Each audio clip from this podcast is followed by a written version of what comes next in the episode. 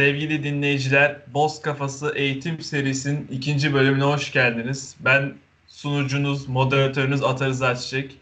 Bugünkü konuğum Mustafa. Ee, Mustafa kendini tanıt istersen. Merhabalar herkese. Ben Deniz Mustafa Çetin. E, ODTÜ Makine Mühendisi 2. sınıf öğrencisiyim. Bugün Atan'ın konuğuyum.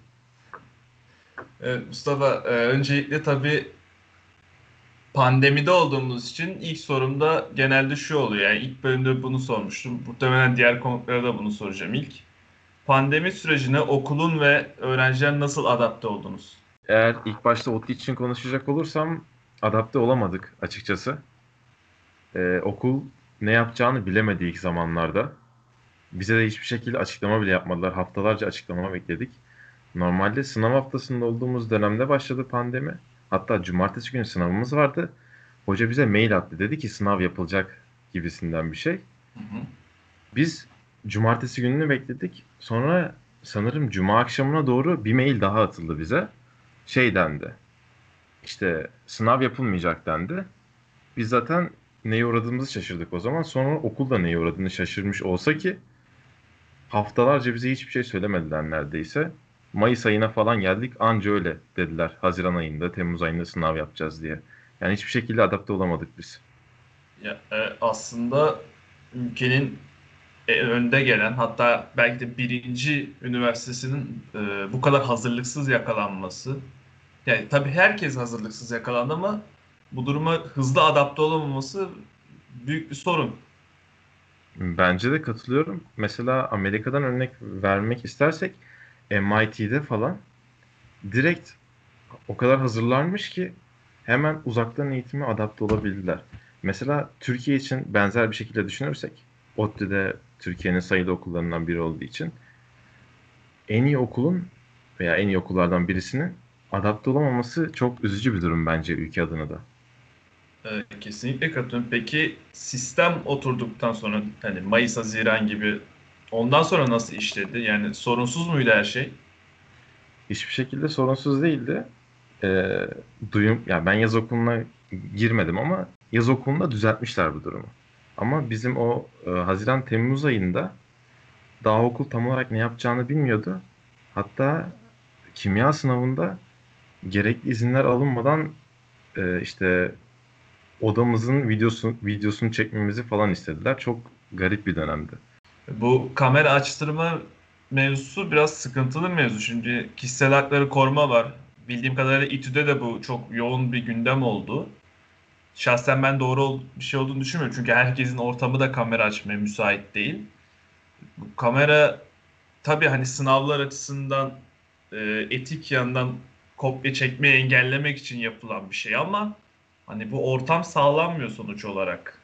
Ee, ben ODTÜ'nün şey yurtlarında kalıyorum, kendi yurtlarında.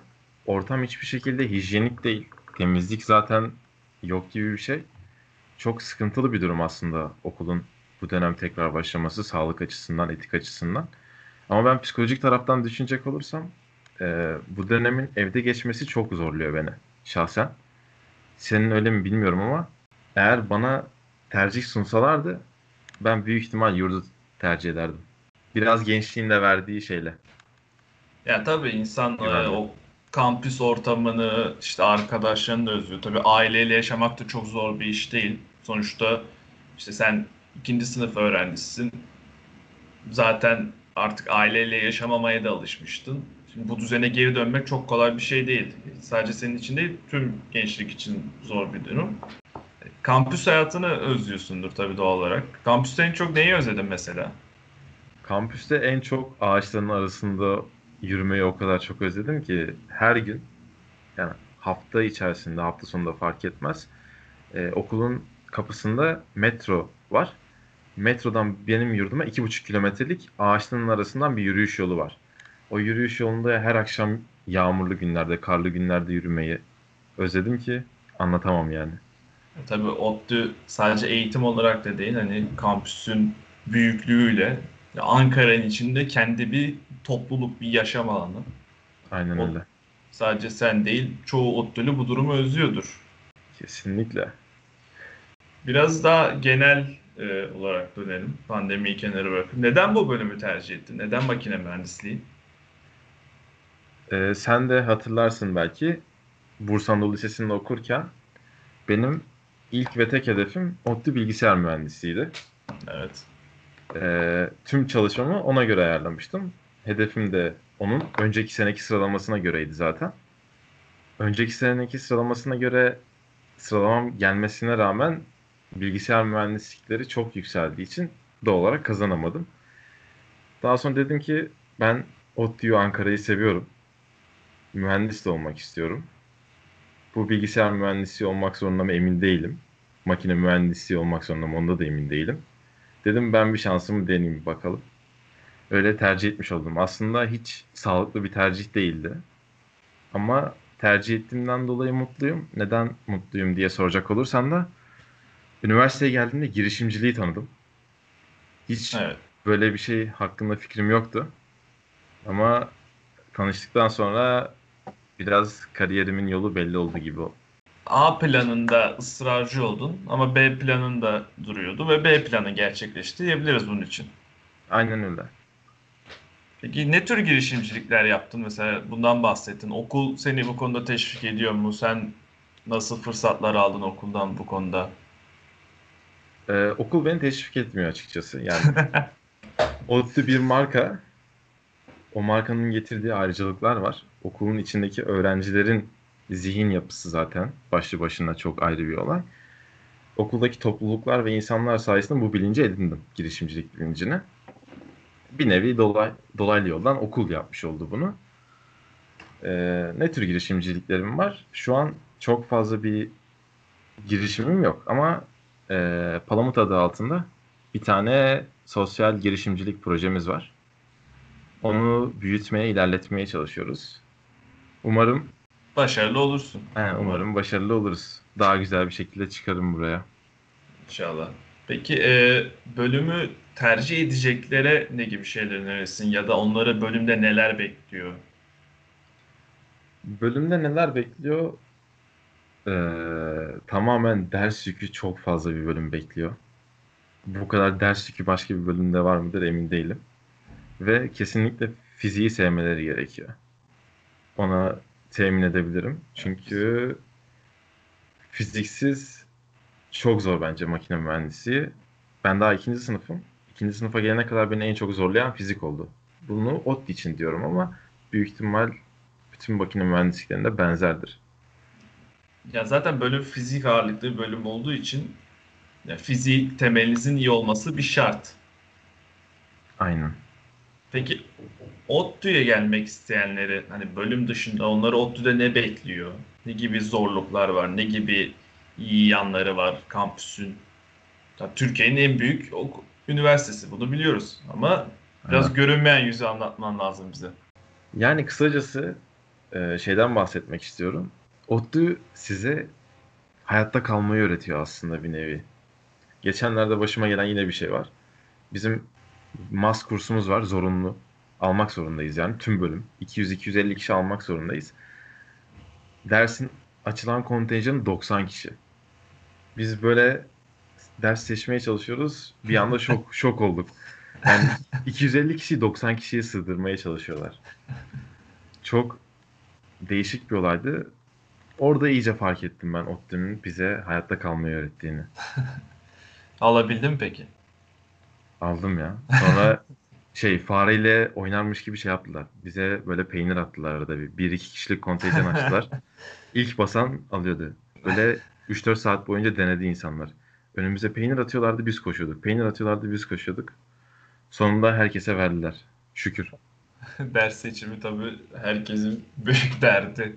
Değil mi? Sistem çöker. Sistem çöker, yeterli kontenjan olmaz, kontenjan açılır bulamazsın vesaire vesaire.